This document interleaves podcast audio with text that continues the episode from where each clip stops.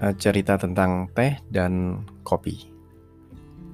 Seorang pemuda yang sudah beberapa tahun merantau ke kota, pada suatu hari tiba-tiba ia terngiang dengan ucapan sang ibunda saat masih di kampung dulu. Jangan bersikap buruk, sebab kelak kamu akan menyesalinya, nak. Orang akan selalu mengingat perbuatan kita yang salah. Nah, pemuda itu bahkan tidak mengerti mengapa ibunya selalu mengucapkan kata-kata yang sama. Bukan hanya satu atau dua kali saja, namun ibunya kerap mengucapkan kata-kata ini setiap kali dia memberi nasihat atas sikapnya yang kadang kurang baik pada pandangan sini ibu. Pemuda itu mengacuhkannya, sebab apalah arti sebuah nasihat bagi pemuda yang sedang dalam masa-masa remaja. Hal ini bahkan kerap dianggap sebagai angin lalu saja. Berulang kali si ibu selalu memberi nasihat.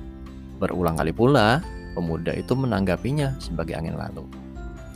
Sikap cerobohnya kerap menjadi alasan mengapa pemuda itu sering dinasihati si ibu.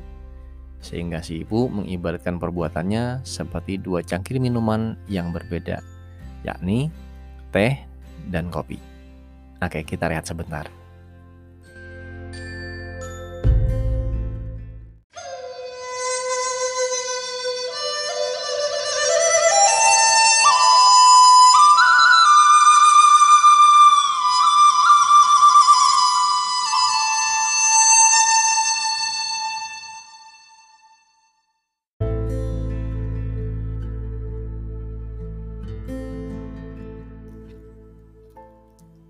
Cerita berlanjut. Meski begitu, pemuda itu masih saja sering bertindak ceroboh. Sekali waktu, di malam hari ia lupa mengurung induk dan anak ayamnya ke dalam kandang.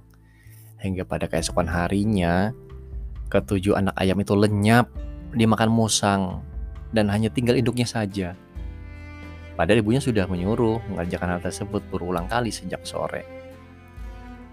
Lalu di lain waktu, ia juga tidak menutup saluran air yang masuk ke dalam kolam kecil milik ayahnya.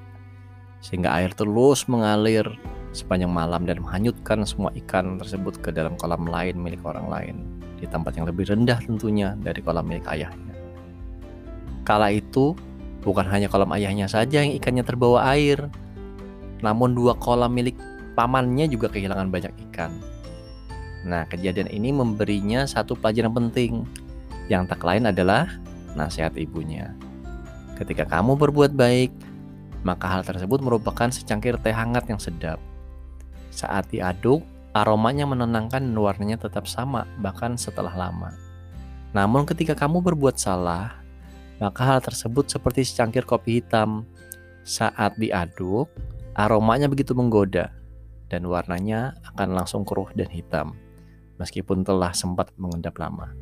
Nah, demikianlah orang akan selalu mengingat perbuatan salahmu nak, meskipun telah berlalu. Demikian cerita tentang teh dan kopi. Karya ayo punya siapa ini? Nah, ini karya miliknya Andri Wongso. Terima kasih.